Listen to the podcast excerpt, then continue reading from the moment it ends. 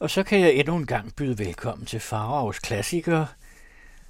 Og nu bliver jeg færdig med øh, Blikkers store novelle 14 dage i Jylland.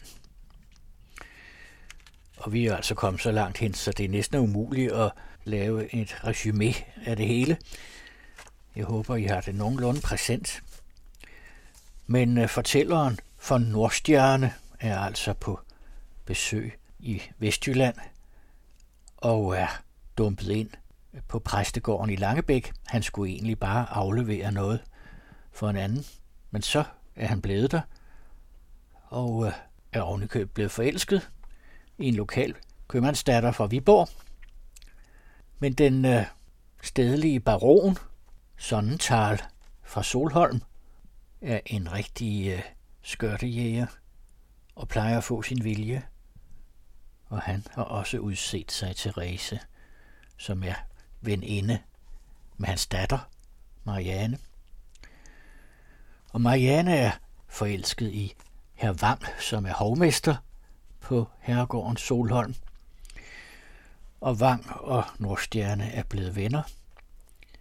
Og øh, nu er de altså også venner i kærlighed til disse to dejlige unge piger, hvor er Marianne, altså baronens datter, er stille og from og indadvendt, mens Therese er mere udadvendt og livlig.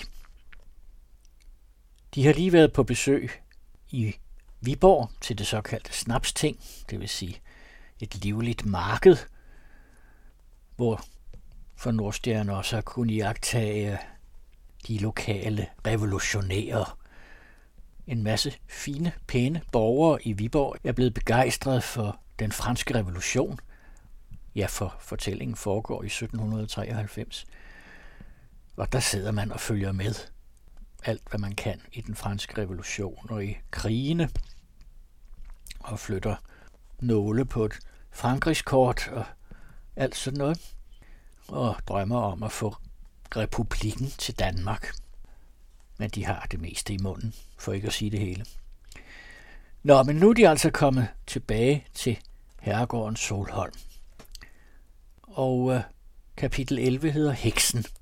Og heksen det var jo den kvinde, som var gift med godsets jæger, tysk talende jæger, som, når han blev fuld, blev fuldstændig ustyrlig og voldelig. Men hun havde på en eller anden måde krammet på ham. Og det så de ved et tilfælde for noget tid siden. Og nu skal vi høre mere om hende.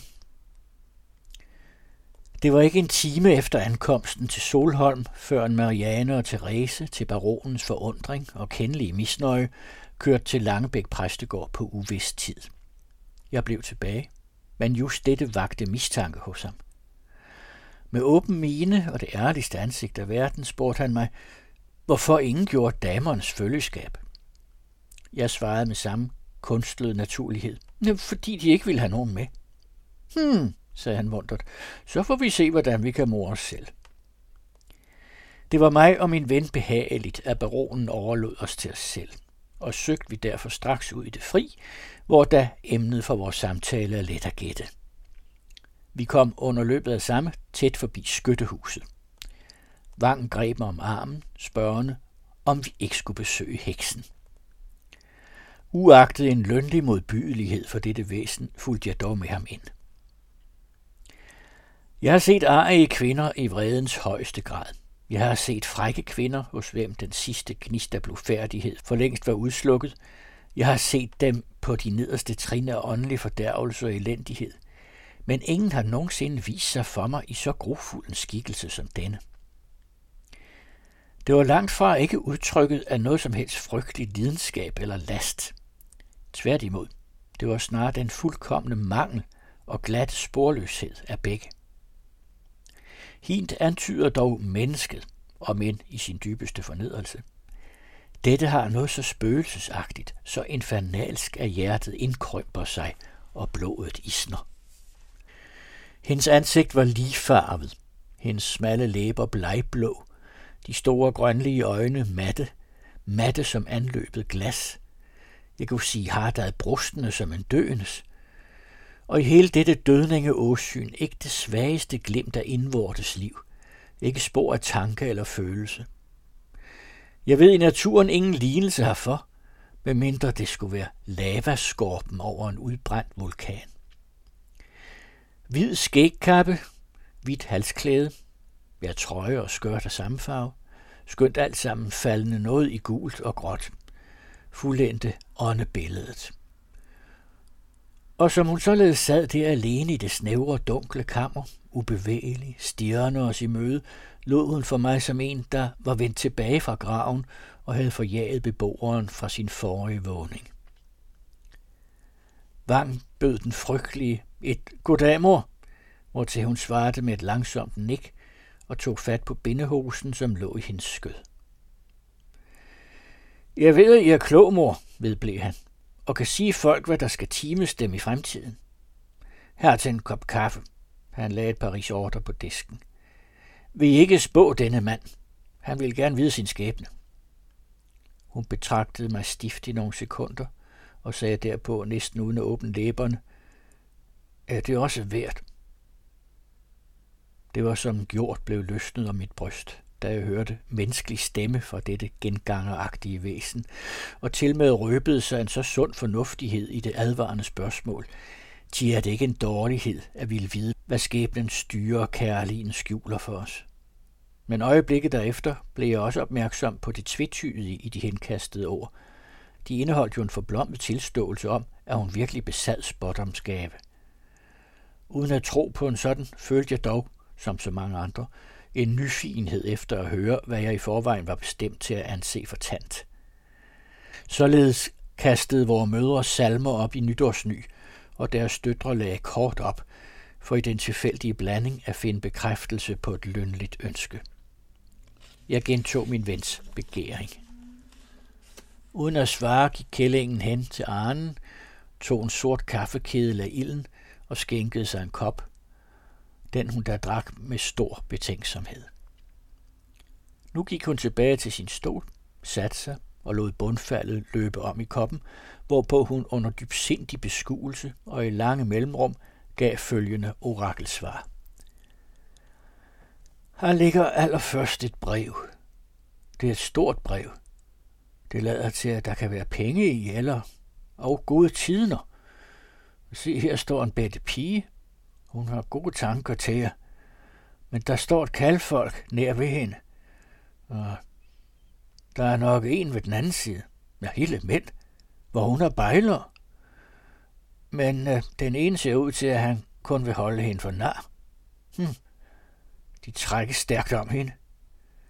Men I skal passe vel på. Har lod hun koppen synke og så mig stift ind i ansigtet. Skønt jeg fornuftigvis måtte antage, at kvindens udtydning af kaffehieroglyferne var på slump, og sådan som det kunne passe til flere end mig, så traf den dog her så nøje, at jeg atter følte en slags benovelse, den jeg søgte at bekæmpe, som ofte prøves mod en anden frygt, ved spottende trods. Jeg mindes ikke selv, hvad jeg sagde, men vel, at det havde samme virkning på spokkvinden som en kugle, der afskydes på et spøgelse. Hun betragtede mig blot nogle sekunder med sit iskolde dødningeblik, satte koppen hen og tog af fat på sin bindehose. Vil I ikke slå op for mig? spurgte nu Vang. En anden gang, svarede hun, når I er ene. I dette øjeblik hørtes uden for huset hovslagene af en galopperende hest, og straks efter kom den beskænkede skytte faren ind med et Hol dich der Deivel, du alte pulverhekse. Jetzt sag ich adies, und du siehst mich nimmer wieder. Adies Dänemark. Gott verdammt euch alle zusammen. Og under bestandig skælden og banden rumsterede han omkring i værelset, lukkede skabe og kiste op og snappede et eller andet, hvormed han fyldte sine lommer. Kællingen blev rolig ved at binde og fulgte ham med øjnene uden at male et ord. Først da han nærmede sig den dragkiste, ved hvilken hun sad, og som formodentlig var hendes ene ejendom, rejste hun sig imod ham, og buldrianden tumlede tilbage mod bordbladet, som om han var truffet af et vældigt næbepust. Så pludselig og stærk var virkningen, at rosen næsten forsvandt. Det vilde menneske rykkede sig hen mod udgangen og sagde i nedstemt tone, Leben Sie wohl, mein Herrn. Ich muss davon. Og dermed steg han til hest og få afsted, ligesom han var kommet. Forundret over dette sælsomme hastværk, ville Vang og jeg ud for at se, hvor han blev af, men konen vinkede af ham og sagde, Bi et bedte korn, den anden kan gerne gå. Vang nikkede til mig og blev. Jeg gik. Den ridende var allerede langt borte, og tog rigtig vejen af den kant, hvor Tyskland ligger. Jeg vandrede langsomt af gården til, sene mig flere gange om efter min ven. Han kom ikke. Jo, jeg blev om ikke urolig, så dog underligt til mode over hans lange samværen med den uhyggelige kvinde. Ankommen til Solholm blev jeg ombedet at komme til baronen, med det tillæg, at han var upasselig. Jeg fandt ham i sengen, men uden synligt ildbefindende. Ja, de undrer dem måske, tiltalte han mig, over at se mig her uden kendelig sygdom, men uh, jeg har et indvortes tilfælde, som hverken medfører feber eller synderlig smerte. Alligevel har min læge sagt, vil det engang bringe mig døden, og før end jeg venter den. Er der intet, som afholder dem, så lad os sladre lidt sammen. Jeg satte mig ved sengen og begyndte straks med at fortælle skyttens adfærd dernede i huset og hans bortrejse. Ja, det skal jeg snart forklare dem, svarede baronen. Det er ham, som har skudt den natmand uden for Viborg. Natmanden havde slået hans hønsehund for panden, formodentlig for fedtets skyld. Og nu har han i fuldskab og hissighed brugt gengældelsens ret. Det åbenbarede han mig straks efter min hjemkomst. Jeg skænkede ham hesten og så mange penge, som kan befordre hans flugt til Holsten. Der er han sikker nok. Om et par års tid eller to er sagen glemt, og så kommer han måske igen. Stusende ytrede jeg uforbeholden min forundring over, at han kunne have så stor medlidenhed med en morter. Han smilede og sagde, Ah, det er som end slet ikke af medlidenhed, jeg har hjulpet ham. Men ærligt talt, jeg skyttede ikke om, at en af mine betjente skulle komme i bødlens hænder. Ikke heller om, at alle de andre skulle jages til tings, hver gang herresfoden fløjtede. Nu er hele processen endt. Ja, de ryster på hovedet. Er det over min egoisme eller over min åbenhjertighed? Det sidste er rigtig nok noget usædvanligt, men jeg finder det unødvendigt at forstille mig for dem, som en allerede uddannet mand. Nå, her for Nordstjerne, vi er alle egoister og intet andet. Alle såkaldte dyder udspringer af egoisme. Enten finder man sin regning ved at være dydig, man venter gengæld, god erstatning for sine opforfolser, eller man er det af gærighed, eller man sætter sine dyder på renter og lader dem løbe op for at hæves på én gang i det, de kalder et andet liv. Ja, der er vel også dem, der finder en vis fornøjelse en indvortes kilderen i dyden, den morden. Herr baron, afbrød jeg ham med harme, de vil nok prøve mig. Eller skulle det virkelig være deres alvor, hvad de her siger om menneskets højeste, ja eneste gode? Øh, chacun son goût. Hver sin smag, svarede han. Ja vel, for så vidt det bringer fordel, skaffer agtelse, så er det ret bravt at være dydig men de vil ikke nægte mig, at det ofte generer bandsat. Ja, der som sådanne grundsætninger var almindelige, svarede jeg, var jo intet menneske sikker på sin formue eller sit liv.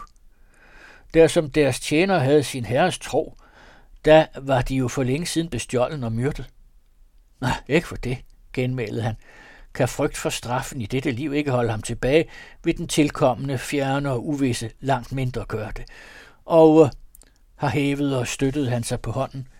Er jeg da en tyv eller en morder? Han gjorde det spørgsmål med et aldeles godmodigt smil, men i tonen lå ironi. Tyven stjæler, når han hungrer, svarede jeg, men den rige fortjener ingen tak, fordi han er ærlig. Nå, det er sandt, sagde han. Men der gives flere laster. Kan de bebrejde mig nogen? Sig mig rent ud, hvor I er sønder. Herr baron, svarede jeg. Jeg er ikke deres skriftefar. Ah, jeg bruger heller ingen, sagde han, men derfor kan de gerne sige, hvad de har på mit forhold at udsætte. Jeg blev næsten forvirret ved denne sælsomme påtrængenhed, og de ord slap mig af munden. Det sømmer sig ikke at indtrænge i huslige forhold. Aha, faldt han hurtigt ind. Jeg ved, hvad de mener. Min kone, ikke sandt? Men hvad ondt gør jeg hende? Vi er antipoder. Hun er lutter følelse. Jeg hylder fornuften. Hun er sværmer, og jeg tænker. Jeg lever for denne verden, hun for den anden. Det er ikke min skyld, at hun har fået så forkert en opdragelse. Da jeg nu ved, at hun ikke skytter om mit selskab, så forskåner jeg hende for så meget som muligt. Se, det er det hele. Da han således selv brød isen, blev jeg dristig og sagde, hendes noget tror måske, at hun har grund til jalousi. Hm, svarede han hånligt. Det rejser sig netop af hendes barnagtige romangriller. Engle ren kærlighed, troskab til døden, og derefter døden. Og med i graven, og op af graven, og alt det græslige vås, med de forplummer deres hjerner. Jeg følger naturen, det er den bedste lærermester i alle henseender. Og har så han stift på mig med den mest sarkastiske mine. Eller skulle det være muligt? Ja, jeg mærker nok, at de tror på meget, som jeg ikke tror. Men de tror da vel aldrig på kyskhed. Jeg mener kvindekyskhed. Naturligvis. Afbrød tjeneren denne lærerige samtale og sparede mig for et bittert svar. Han bragte et brev, som baronen bad om min tilladelse til at læse. Jeg greb lejligheden til at bortfjerne mig og var allerede ud af døren, da han med hæftighed kaldte mig tilbage. Her, behag at læse, sagde han, rækkende mig brevet. Jeg tror, vi straks har et bilag til min sidste påstand. Jeg læste, præsten i Langebæk lod baronen Prestissimo vide, at Jomfru Dyber, altså Therese, var på en ubegribelig måde forsvunden kort efter hendes ankomst til præstegården. De havde forgæves søgt alle vegne i nærheden, men hun havde ikke efterladt sig det mindste spor. Frygten var utrystelig. Man ønskede baronens nærværelse der, samt at hurtig anstalt måtte føjes til, ved flere ridende og oplevede den forsvundne. Til efter hans mening måtte hun være bortført. Og med eller imod hendes vilje, så han sig ikke beføjet til at påstå. Jeg blev i det første øjeblik som forstenet, men i det næste stod den hele begivenhed for mig som en spøj – så utrolig lød sandheden. Ja, det er et indfald af damerne, råbte jeg. De lader skjul. Baronen satte et alvorligt ansigt op og så mig spørgende ind i øjnene. Det skulle man dog vide, sagde han med eftertryk. Vil de ikke ride over? De kunne tage hovmesteren og forvalteren med, og lad kun kusken og et par staldkage ligeledes sætte sig til hest. De må tro, det hænger ikke rigtig sammen.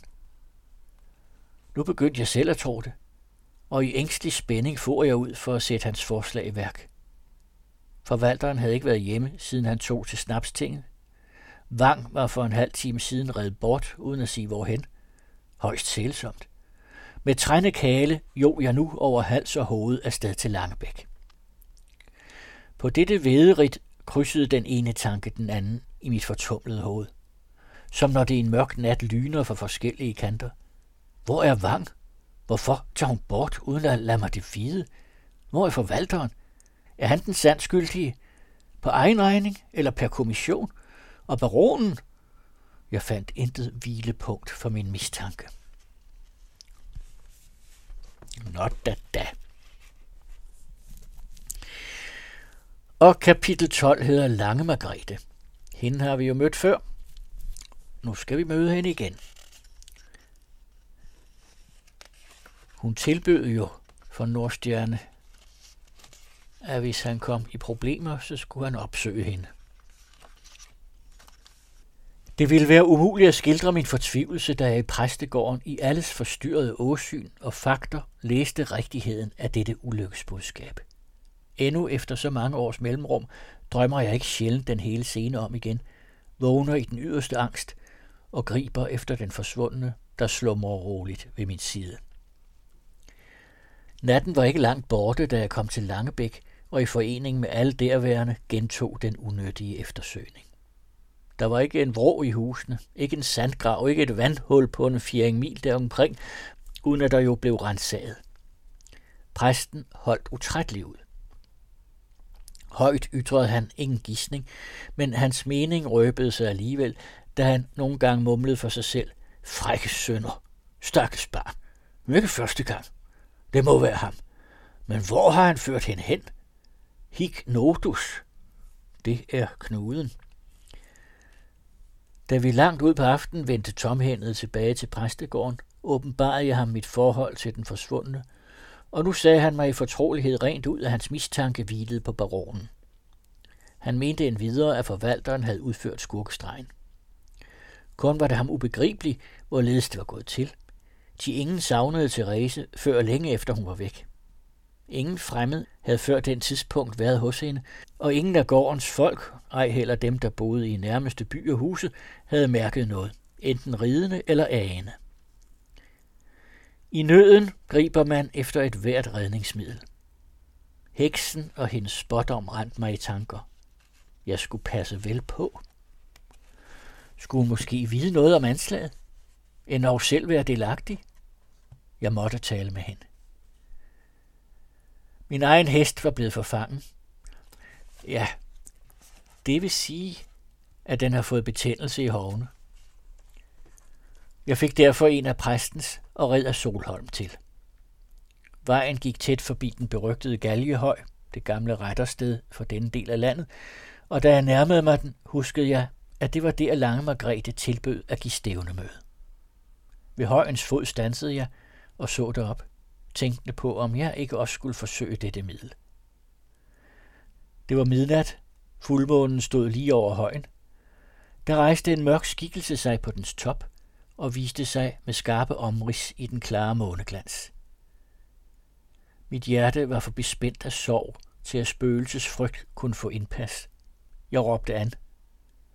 Kendt folk, svarede en vinende stemme. Den lød som lange Margrethes. Det var virkelig hende, og i det hun gik ned ad højen, sagde hun, Gå af den, Betty Junker. Er hans gæst flåen hen, mens han siger så højt? De ord ledsagedes af en såre uhyggelig latter. Og har ej slidt efter ham, lagde hun til med en ser modbydelig venlighed. Kan han så have noget vondt at snakke med med? Ja, det er noget af det der rotvælsk cigøjnersprog, som betyder, at han er ventet med længsel, og måske behøver han også at tale med mig. Jeg var ene med røverkvinden midt på den vilde hede og værveløs. Alligevel faldt det mig slet ikke ind, at mit liv kunne være i fare. Udfaldet retfærdiggjorde min forvågne tillid til et så farligt og forvorpent menneske, og beviste derhos også det mest fordærvede dog har en god side, at der figurligt talt endnu på det sorteste hjerte er en hvid plet, når man kun ved at finde den. Sig mig kun rent ud, togen er der til over, men på hendes bundemål, om han ikke har mistet noget, han nød ved af med. Jeg fortalte hende mit tab, og spurgte, om hun var i stand til at bringe mig på spor. Ja, det var ikke umuligt, svarede hun. Enten er hun der, hvor jeg mener nu, eller og har igen ikke nykket hende, for æsken tog den kant. Fanden har taget hende. Hvad for en æske, faldt jeg ind. Ja, den, svarede hun, der kom jagende i eftermiddags fra præstegården af og ud over heden. Deri har de vel puttet det bedte lam, som han leder om.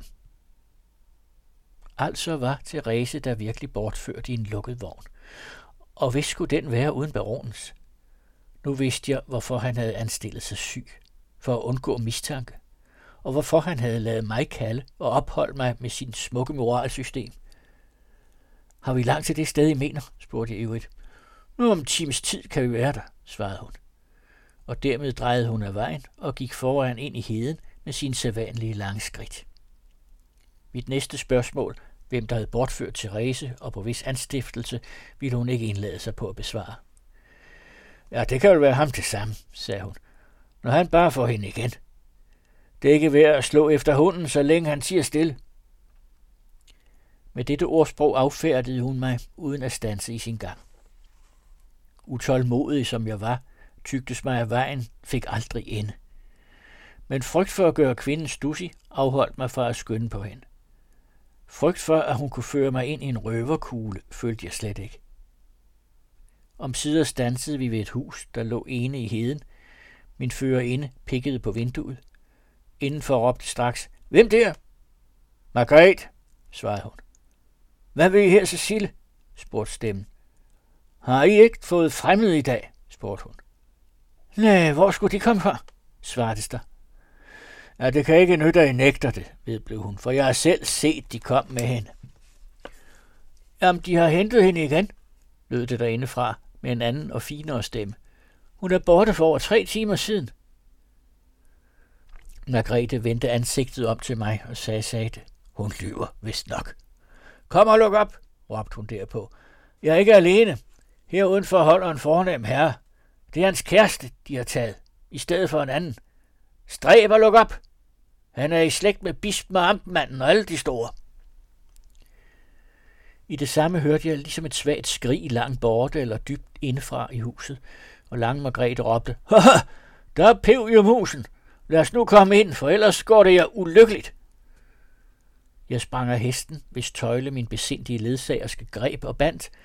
Nu gik endelig døren op, og ind får jeg. Hun efter mig. Therese, råbte jeg. Hun svarede.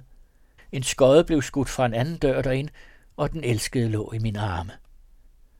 Lange Margrethe vækkede os af vores henrykkelse ved at klappe mig på armen og spurgte, om jeg ikke ville længere frem. Jo, ganske vist, svarede jeg, men sig mig først, henvendte jeg mig til manden, der stod halvpåklædt og glodede på os.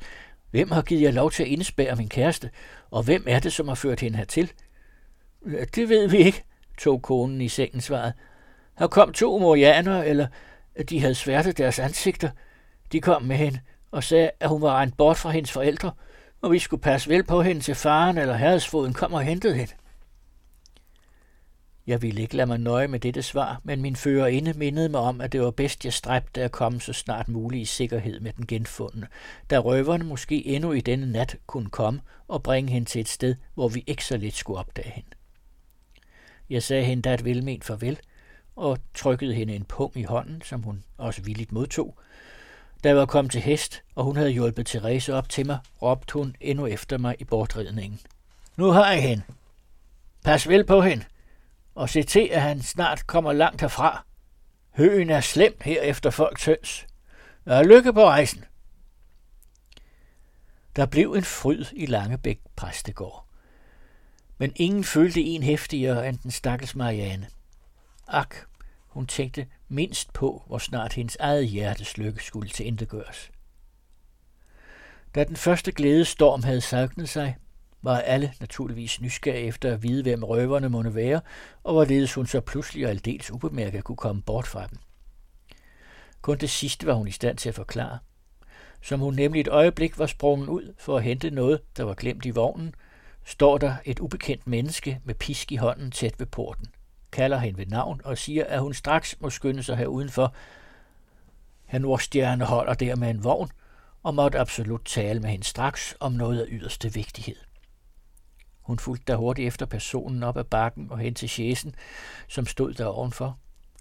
Døren fløj op. En mand i kappe og med sort maske sprang ud, greb hende og satte hende ind i vognen, hvor en anden bandt hende et klæde om munden for at dæmpe hendes skrig. Og nu gik de i stærkeste fart, men i fuldkommen tavshed fra røvernes side, dit hen, hvor jeg med natmandskonens bistand havde været så lykkelig at befri hende. Da vi næste morgen rådslog om, hvorhen og hvorledes Therese skulle bringes i sikkerhed, bragte postbuddet mig et brev, der indeholdt den glædelige efterretning, at jeg havde erholdt det ansøgte embede. Nu tog jeg altså træde som bejler frem for min elskedes far, men i det tilfælde, at han endda skulle afslå min begæring og foretrække den rige republikaner Fjaldring, besluttedes, at kongebrev skulle erhverves og hvilesen fuldbyrdes af min ven i al stilhed – hvorpå vi en omvej ville søge vor tilkommende bopæl i hovedstaden.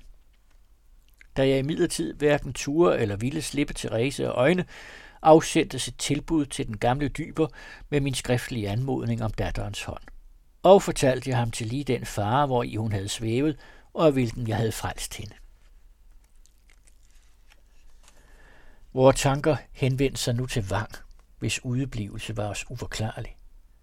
Men som vi gættede hid og did, kom en af Solholmkalene, der var fuldt med mig, og leverede mig et brev, han havde fået af hovmesteren med befaling ikke at fly mig det før nu. Jeg brød det. De første ord, jeg læste, var disse. Når du læser dette, er jeg ikke mere. En frygtelig og uventet tildragelse slår os endnu hæftigere, når den forkyndes ved skrifttegn disse stumme sorte, der kolde, ubevægelige, lige hine med silkesnore, overbringer os skæbnens uigenkaldelige beslutning. At høre den af en levendes mund formilder det redselsfulde, fordeler skrækken. Min må have malet sig klart i mit åsyn. Timariane sank tilbage på sin stol, og Therese for hen til mig med et skælvende, Gud, hvad er der? Hånden med det ulyksalige brev lå på mit knæ. der drog som en tåge for mine øjne. Præsten snappede brevet, kastede øjnene deri og sagde straks, at han lever jo. Det er ikke andet end en pludselig rejse. Jeg greb det begærligt igen, og Therese omfavnede veninden med trøstens ord. Jeg læste en linje videre, og så vel bekræftelsen på præstens udsagn, men da jeg alligevel måtte vente et eller andet voldsomt skridt, forlod jeg hurtigt værelset, uden at pigerne mærkede det og ilede ud i gangen. Brevet lød således. Når du læser dette, er jeg ikke mere i Jylland. Min skæbne har udviklet sig. Heksen er min mor, baronen min far, han eller den gale dejen, eller begge to. Hun vidste det ikke selv. Jeg går til Hamburg og lader mig værve. Tak for dit korte venskab. En bedre lykke i kærlighed vil jeg oprigtigt ønske dig. Trøst min stakkels søster. Nu kunne hun jo ikke blive min. Lever alle vel? Din vang. NB. Hold hemmelig, hvad du kan. Jeg indså straks, at frøken Sonnenthal måtte indvis i en løndom, som med al sin redsomhed indeholdt en lægedom for hendes dybt sårede hjerte. Præsten, hvem jeg ikke kunne tage betænkning og meddele samme, var ganske af min mening, som han og bifaldt af veninden var bedst skikket til dette sørgelige værv. Hvor indskrænket og usikker er dog vores kundskab om det menneskelige hjerte, vort eget som andres. Hvorledes vi under hvilket som helst forhold havde følt, det ved vi. Men de følelser, som nye og uvante ville opvække, det skal ingen med bestemthed kunne forudsige. Da min kæreste kom tilbage fra Marianne, mente jeg, at denne enten måtte sejne under håbløs kærligheds frygtelige magt, eller, og måske heldig, bekæmpe den som vandhellig og stridende mod guddommelig og menneskelige love. Ingen af delene. Den herlige pige hensank ved de første øjeblikke i dybeste smerte, men snart hævede hun sig igen med en kraft, som I kun ejes af edle sjæle. Min kærlighed til ham er dobbelt nu, havde hun sagt. Den første var ren som den anden, men begge må sammensmelte til en. Tre engle, Therese, leder os gennem dette korte liv. Tro, håb og kærlighed. Men der kommer en tid, Therese, da hende forlader os, når troen er vores vidshed og håbet opfyldt. Der bliver kærligheden ene tilbage. Ja, i sandhed. Det er den Guds kraft i de svage, som det naturlige menneske ikke fatter. Naturfilosofen, den foragtelige sonnental, guddommens og menneskehedens kolde spotter, hvor arm og elendig står han ikke ved siden af den englefromme, håberige datter. For hende var og tanken om den uværdige far sikkerlig den bitreste dråbe i hendes malurt bæger. Men hun sank den uden hørelig klage. Derimod var sorgen over den elskede bror mildnet og opklaret af håbets sol. Også skjulte de for hende hans fortvivlede beslutning. Hun vidste ikke andet, end at han var rejst til København for det at søge ansættelse eller befordring. Lige så lidet erfarede hun, hvor der var hans mor. Om baronen kendte den hele hemmelighed, ved jeg ikke, men trolig er det. Hans edle hustru kom ingen sind til kundskab om sammen. Den var den eneste, som datteren ikke delte med hende. Allerede den følgende dag jeg holdt jeg svar for Thereses far, og det er et sådan, som langt overgik vores forventninger. Han indvilede ganske uforbeholdent i vores forbindelse. Jeg bestemte den endnu til 8. dagen derefter.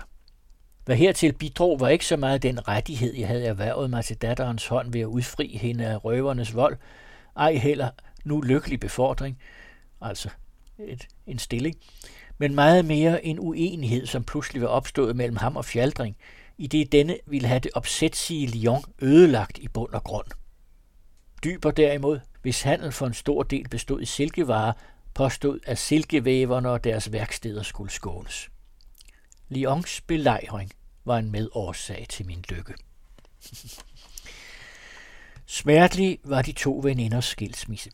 Den ene drog nu opfyldelsen af livets skønne håb i møde, den anden, uden håb for denne verden, skulle selv dybt nedbøjet af skæbnens tunge hånd, lette byrden for en lidende mor. Kærlighedens bånd var sønderrevet. Nu måtte venskabets også løses. Aldrig var mit hjerte ved nogen afsked så blødt som ved denne. Først langt borte fra Langebæk kunne jeg hæmme mine tårers løb. Jeg havde tabt en ven, tabt ham på en måde, der gjorde tabet dobbelt smerteligt, og min brud var løsrevet fra den ene af de tvænde, mellem hvilke hendes unge hjerte var delt. Ofte bortkyssede mine læber tårerne fra hendes opsvulmede øjne, og lige så ofte frembrød de på ny. Jeg forestillede hende, hvorledes venskabet ved skilsmissen dog ikke var opløst, at det ved fraværelsen snarere ville knyttes end fastere, at stadig brevveksling jo kunne vedligeholdes, ja, glædeligt gensyn med tiden håbes. Aldrig i dette liv, hulkede hun. Jeg ved det. Hun sørger sig i graven. Ah, det ved du ikke, kæreste Therese, svarer jeg. Hun er stærkere, end du tror, til hun har Gud i sit hjerte. Da hun om sider var blevet nogenlunde rolig, gjorde jeg hende en videre opmærksom på, at den lidende smerter altid forekommer den blødhjertede og deltagende større, end de virkelig er. Det kunne jeg aldrig holde ud, siger ofte den, som i lignende forfatning ville bære ulykken med en styrke, den hidtil ikke anede. Almindeligvis tiltror mennesker sig selv for meget, men stundom henfalder det til den modsatte fejl. Vort bryllup blev fejret i stillhed, og I kun i ganske få vidners overværelse. Vi blev viet i stuen.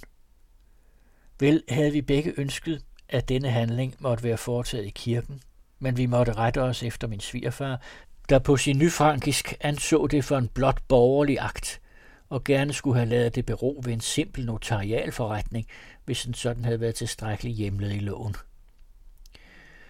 Den følgende dag blev vi, efter prislig skik og brug, pinte med lykønskninger, og til sidst overrasket med en sådan skriftlig fra baronen. Det er umuligt at drive forstillelsen videre. Hans brev var affattet i den artigste og mundreste tone, og sluttede med en venskabelig bebrejdelse, fordi vi ikke havde taget afsked med ham, inden vi forlod egnen.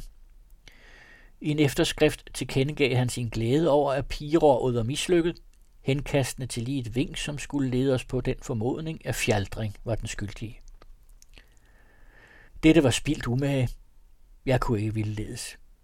Min første mistanke steg derimod til moralsk vidshed, da jeg erfarede, at han engang til foran skulle have bortført en uskyldig pige, som ikke på almindelig måde stod til at forføre. Da hun befandt sig i hans vold, måtte hun falde. Til hvilke midler skulle vel være for slette for samvittighedsløst et menneske? Man kan ikke antage den bedre end hans redskaber – 10. At han ved Thereses bortførelse har betjent sig af Jarum, hvem han vel alene yndede, fordi han lignede ham selv i moralsk fordærvelse, samt af den fordrukne jæger. Derom fik hun ved nærmere eftertanke rimelig formodning. At den ene hørte hun nemlig nogle gange hin karakteristiske kalkunske prost, og den anden stank af brændevin. Var dette så, har baronen endnu haft en anden årsag til at befordre morderens flugt – end den han med tilsyneladende åbenhjertighed betroede mig. Det var dernæst mere end sandsynligt, at han til forn ved lignende smukke skælmstykker havde brugt såvel hans forrige bolskab heksen, som også den akværdige natmandskvind. Hvorledes skulle ellers denne have kendt hins smuthul, hvor hun med sådan sikkerhed søgte og fandt min brud? Og hvorfor blev hun stående herved og stræbte at stanse al videre undersøgelse om ophavsmanden? Baron Sonnentals til nederdrægtighed blev mig ret indlysende, da jeg hørte den nyomtalte ulykkelige piges historie. Jeg os over, at en sådan forbrydelse kunne gå således af, uden følger for skurken og uden at gøre videre opsigt. Fortælleren, en apoteker, og som dyber svoger en af bryllupsgæsterne, lod ret hjertelig og mente, at pigen vist nok selv havde fundet det rådeligt at tige, så vidt muligt dølge sin egen skam – Baronen har flere gange, viskede han mig i øret, fået et vist medicament i mit apotek, og sikkert nok anvendt det med ønskelig virkning. Jeg gøs og takkede forsynet, som havde frelst min Therese for den hardad uundgåelige fordærvelse. Otte dage derefter modtog hovedstaden det lyksaligste par inden dens volde. Ja, og så skal vi lige have det sidste kapitel, som hedder Gensyn. Solen skinnede klart den smukke sommerdag og satte den mangfoldigt afvekslende egen i livligste lys. Agermark og eng, krat og kær, sø og banke, alt gav et venligt genskær af glansen herovenfra. Selve hedepletterne og de lyngtagte gravhøje var mindre mørke. Matte glædesglimt synes at formidle deres sædvanlige skumle udseende. Men der var kun liden færdsel på landevejen, af hvilken vi nærmede os det gamle Viborg. Viborg, som jeg nu genså første gang efter mere end 22 års forløb. Snapstingets forrige herlighed var forbi. Kun enkelte ryttere og færre vogne sås der, hvor det fordom vrimlede af ridende og kørende. Mine to smådrenge morede sig ved at lege skjul med stadens tårne, der snart fremsteg og snart forsvandt, alt efter som den bølgeformige vej førte os op på bakker eller ned i dale. Min hustru, som sad foran mig, havde ragt mig sin hånd over bagslaget. Tårer, fremdrevne af mange erindringer, perlede i hendes øjne. Marianne syntes hensunken i tanker ved hendes side. Lange sukke nu og da tilkendegav dybden og smerten af de minder, som beskæftigede hende. Anledningen til denne rejse var min svigerfars dødsfald, som indtraf over i forvejen. Det blev nødvendighed for mig selv at se boets fordringer inddrevne – så meget mere som hans efterladte betydelige formue stod prioriteret i flere skifte jurisdiktioner, fornemmelig på Solholms gods, og så snart altså mine forretninger af Viborg var til ende, kørte jeg med min familie dit ud med den bestemmelse at tage ophold i Langebæk Præstegård. Synet af de egne, hvor jeg havde tilbragt min ungdoms skønneste og for hele mit efterfølgende liv så vigtige dage, virkede på mit hjerte som toner af en fordoms yndlingsmelodi, der efter mange års mellemrum genvækker de længe indslumrede følelser. Men erindringen fremtryller alle hine begivenheder i et mildere og yndefuldere lys, og, hvis dette udtryk tilfredsstiller lige stemte sjæle, i hint mattere, men venlige morgenskær, der viser os genstandene uden at blinde vort omsvævende blik.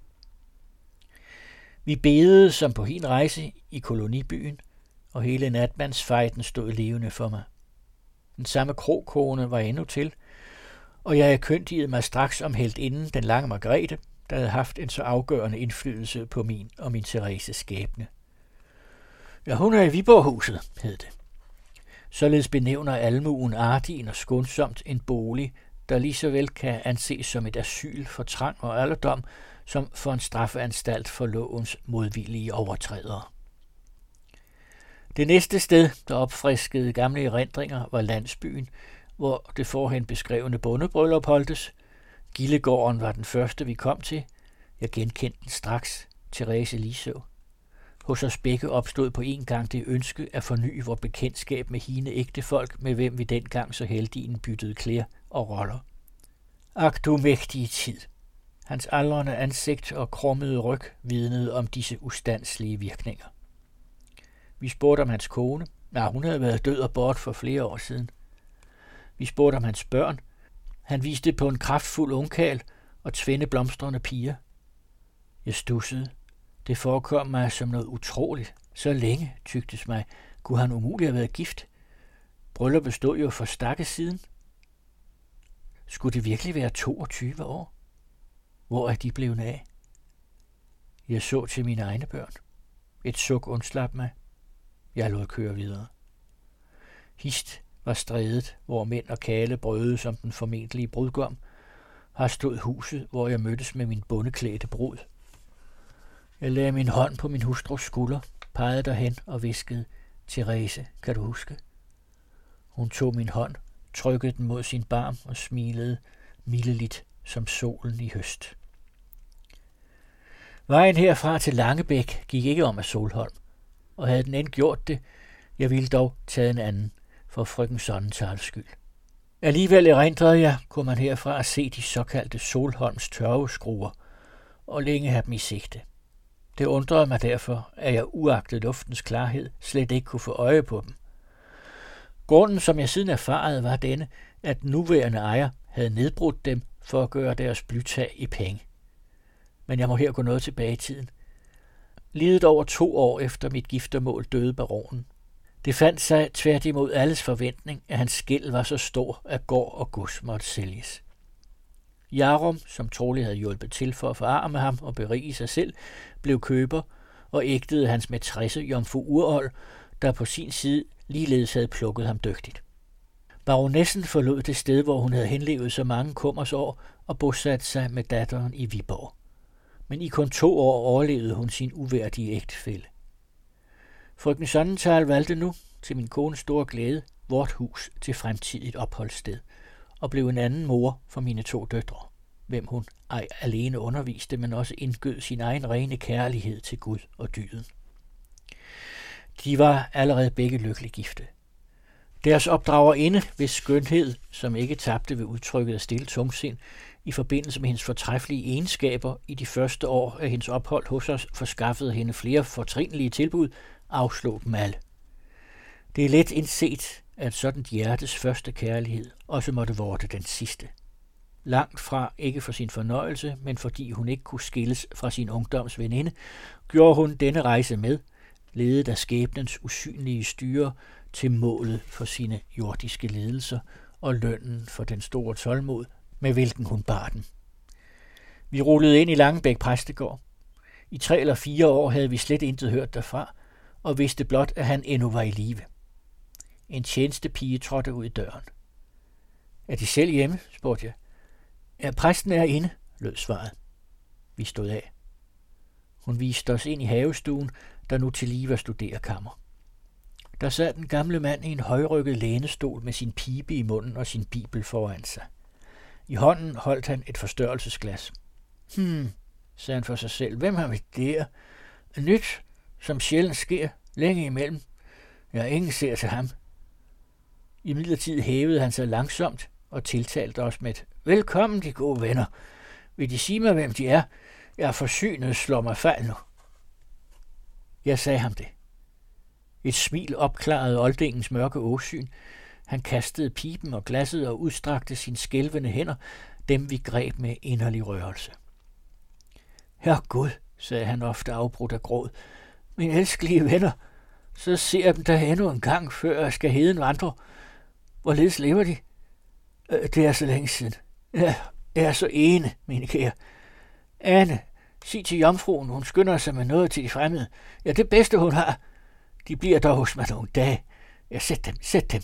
Lad os nu slakke lidt.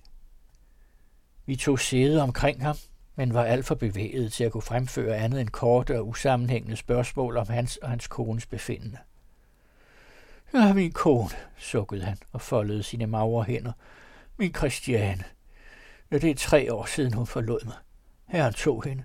Hans vilje er den bedste, men jeg er så ene, så ene i min høje alderdom. Hænderne faldt ned på hans skød. Tårer trillede over hans rynkede kinder. Og virkelig, ved at kaste et øje omkring i værelset, sporede jeg letlig, at hun var borte. Jeg savnede hin pænhed og orden, med hvilken en god hustru gør hjemmet endnu kærere. Det skulle være i hendes tid, at æderkopperne ustraffet havde våget at udspænde deres garn i krogene, eller støvet blevet liggende i vindueskarmene, eller huller på stolbetræk, eller at rift i gardinerne forblev ustoppet. Der påfulgte for nogle øjeblikke en uhyggelig tavshed. Jeg ville bryde den, men gjorde det på en måde, der er der fornyet erindringen om bedre dage. Gør de endnu noget af musikken, spurgte jeg temmelig tankeløst, men opdagede det samme violoncellen i en krog af værelset. Den strenge var borte, så nær som bassen. Ah, det går mit instrument, som det går mig selv, svarede han. Vi har kun én streng, som holder, og min brister vel først, vil jeg håbe. Nej, jeg har ikke rørt den derhen, siden min Christiane døde. Der er skønnere toner, jeg nu længes efter at høre. Min sjæl fornemmer dem allerede i sine stille timer. Er der et ophold? Jeg følte nu, at jeg måtte føre tankerne ud af det i kun med sørgelige minder opfyldte hus. Og ved at lede samtalen hen på fordums venner og kending i egnen, lykkedes det mig efterhånden at frembringe en mindre vemodig stemning, i hvorvel mange af de efterspurgte ikke mere vandrede på jorden. Blandt disse var også oldgranskeren kammerråd Urold. Det er snart 10 år, siden han blev højlagt, fortalte præsten. Jeg kunne ikke andet end smile ved dette ægte oldnordiske udtryk, som jeg anså for figurligt. Jo, virkelig, vedblev han. Ret højlagt i selve Lushøj, som siden vi omgravede den, som de nok husker, er benævnet sommetider Harpegretes høj og sommetider Langmargretes høj. Først havde han bestemt, at hans lig skulle brændes, og asken dels kastes i havet og dels blandes med kong Haddings. Men da han siden kom i tanke om, at den skik at begrave ligene ubrændte var ældre, fulgte han denne, dog med den udtrykkelige betingelse, at de kongelige levninger skulle nedsættes oven på hans kiste. Da jeg spurgte om hans fordoms herredsbrødre, berettede han mig, at de var enten døde eller bortflyttet så nær som Rumsø, om hvem han udlod sig med nogen bitterhed. Han har fået en stor forandring, sagde han. En gang prægede han ikke andet end fornuft og moral, men nu foragter han moralen og fordømmer fornuften. Ja, han er ellers min amtsprovst, må de vide. Og så homodig som nogen pave. Jeg kom for skade på et brev at titulere ham blot højerværdig. Men det var ikke længe, inden vi fik et cirkulære i vis konvolut, der havde været brugt til ham selv, stod højedle og højærværdige. Jeg ved, han tilgiver mig det aldrig. Ti hans hævngærighed er så stor, at den kun kan sammenlignes med hans gærighed. Jeg vil alene sige dem, at han ikke antager nogen til synsmand, medmindre han forærer ham et slagtehøv, eller lover at dele gebyrerne med ham, og han sælger skoleembeder til den højst bydende. Da jeg fornam, at den gamle mand kom mere og mere i harnisk, ville jeg bringe en anden materie på banen og spurgte, om han endnu fik sig en lomber. Men også der var jeg uheldig. Et langtrukket nej sagde mig, hvor meget han savnede et morskab, der selv for den, som ikke fortjener navn og spiller, kan vorte en trængende nødvendighed. I min forlegenhed for et behageligere emne kastede jeg mine øjne ud af den åbenstående havedør og så tvinde selvsomme skikkelser nærme sig med langsomme og afmålte trin. Den ene var en liden, meget aldersten mand, hvis lange, stride, grålige hvide skæg skjulte det meste af hans indskrumpede ansigt. På hovedet bar han ligesom et tårn af mange forskellige farvede perukker. Hans magre krop indhylledes af et klædebånd, der havde meget en lighed med en præstekjole. Den var nemlig knappet foran fra halsen og lige ned til fødderne, men lappet med klude af alle mulige kulører. Den anden så ud til at være middelalder. Han bar et lige så stærkt skæg, men ganske sort, samt korte klæder af mørket farver, men luslitte og med huller for knæ og albuer. Man kunne ikke miskende dem begge for vanvittige, og min hukommelse sagde mig snart, at den ene var hin gale Bertel, som jeg fordom havde set i Klintekirken. De stansede uden for døren. Den yngre hilsede fornemt med hånden og holdt derpå med patos og sære fakter følgende tale. Mine herrer og damer, de ser for dem de tvinde, vor tids allerstørste filosofer, han det forrige århundredes, og jeg det nærværendes. Dette er den store kant, som smedede våben for tænkekraften, og jeg er okken, som bruger dem. Den preussiske konge har vist mig i landflygtighed, fordi han frygtede, at jeg skulle støde ham fra tronen. Intet havde været mig lettere, men jeg nedlader mig ikke til slige små ting, som smule kongerig. De må vide, at jeg er i stand til at skabe lige så mange verdener som min forgænger her systemer, og det alene ved min ånds og min vilje store magt. Da de nu ved en konsekvent idérække let vil kunne indse, at jeg kan frembringe disse verdener så store, som jeg behager, så kunne de lige så let begribe, at denne verden er mig for liden, og i det hele ikke indrettet efter filosofiske grundsætninger. Den skal følgelig til intetgøres, og jeg er nu på rejsen til Bergen for at iværksætte dette. De ved af Niels Klim, at der er en nedgang til underverdenen. Jeg stiger der ned og sprænger hele kloden som en bombe – ved en eneste simpel syllogisme og splitter den ad i alle de atomer, af hvilke den stømper Seno engang har sammenflikket den. Under fremsigelsen af denne ultrametafysiske tale havde den gamle mand bestandigt skottet til ham, og nu er der løftet på skuldrene og smilet, som om han ynkedes over sin medfølgers galskab. Men ved slutningen fremtrådte bag ved dem en hvidklædt kvindelig skikkelse, i hvilken jeg straks genkendte hin skyttekone, som almuen betiklede med øgenavnet Heksen. Hvad bestiller I her? Ved hjem, sagde hun og løftede troende et ris i vejret. Ved dette tilråb vendte begge sig hurtigt, tog var andre under armen og træskede hen ud af haveporten, kællingen bagefter. De var kun kommet nogle få skridt bort, før en præsten slog hænderne sammen og råbte – min lille himmerispart, Det var Vang. Nu kender jeg ham på gangen. Therese udstødte et skrig og sprang omkring ham hen til Marianne. Hun sad ubevægelig med nakken lænet mod bagslaget af stolen. Præsten råbte på vand. Jeg greb hendes hånd. Den var kold og slap. Øjnene brustne. Hendes skønne hjerte havde ophørt at slå og at sørge. Hun må allerede straks have kendt den ulykkelige, og i samme øjeblik været berørt af dødens velgørende hånd. Begravelsen var forbi. De få indbudte bortrejste. Vi havde endnu så meget tilbage af dagen, at jeg kunne opfylde min dybt sørgende hustrus ønske endnu en gang at besøge hin kirke, hvor vi allerførst så hverandre. Begge vores sønner, begærlige efter at se Vesterhavet, ledsagede os. Klintekirken var nu sit fald eller nedbrydelse ganske nær. Den var sunken dybere ned i den sandige grund. Revnerne havde udvidet sig. Taget var næsten helt afblæst. Ingen gudstjeneste holdtes mere. Den næste storm ville sandsynligvis nedrive den smalle sandvold, som der endnu var imellem gavlen og bølgernes vælde. Det var fuldkommen havblik. Vandfladen, så vidt synet rakte, blank og lyseblå som den skyfri himmel. Kun tæt udenfor mærkede sin svag og langsom bevægelse frem og tilbage langs hen med strandbredden, og med en rislen ikke stærkere end bækkens over småsten i grund. Therese og jeg satte os på brinken. Hendes hånd hvilte i min, hendes øjne på vores børn, der ivrigen ledte efter rav ved havstokken. Og allerede lod de til at have grædt deres sidste tårer for den kære hedenfarende. Vi sad i tavshed. Vores tanker fandt ingen ord. Først da solen havde tilsmilet verden sit sidste farvel, forlod vi den øde egen, som ved glade og sørgelige minder bliver os uforglemmelige. Ja, sådan sluttede 14 dage i Jylland med et lille tilbageblik mange år senere. En øh, vending, som forekommer i mange af Blikkers noveller, så man lige ser, hvordan årene er gået hen over personerne. Og så når vi ikke mere i denne omgang, og jeg skal finde en ny historie til jer til næste uge. Du lytter til den anden radio.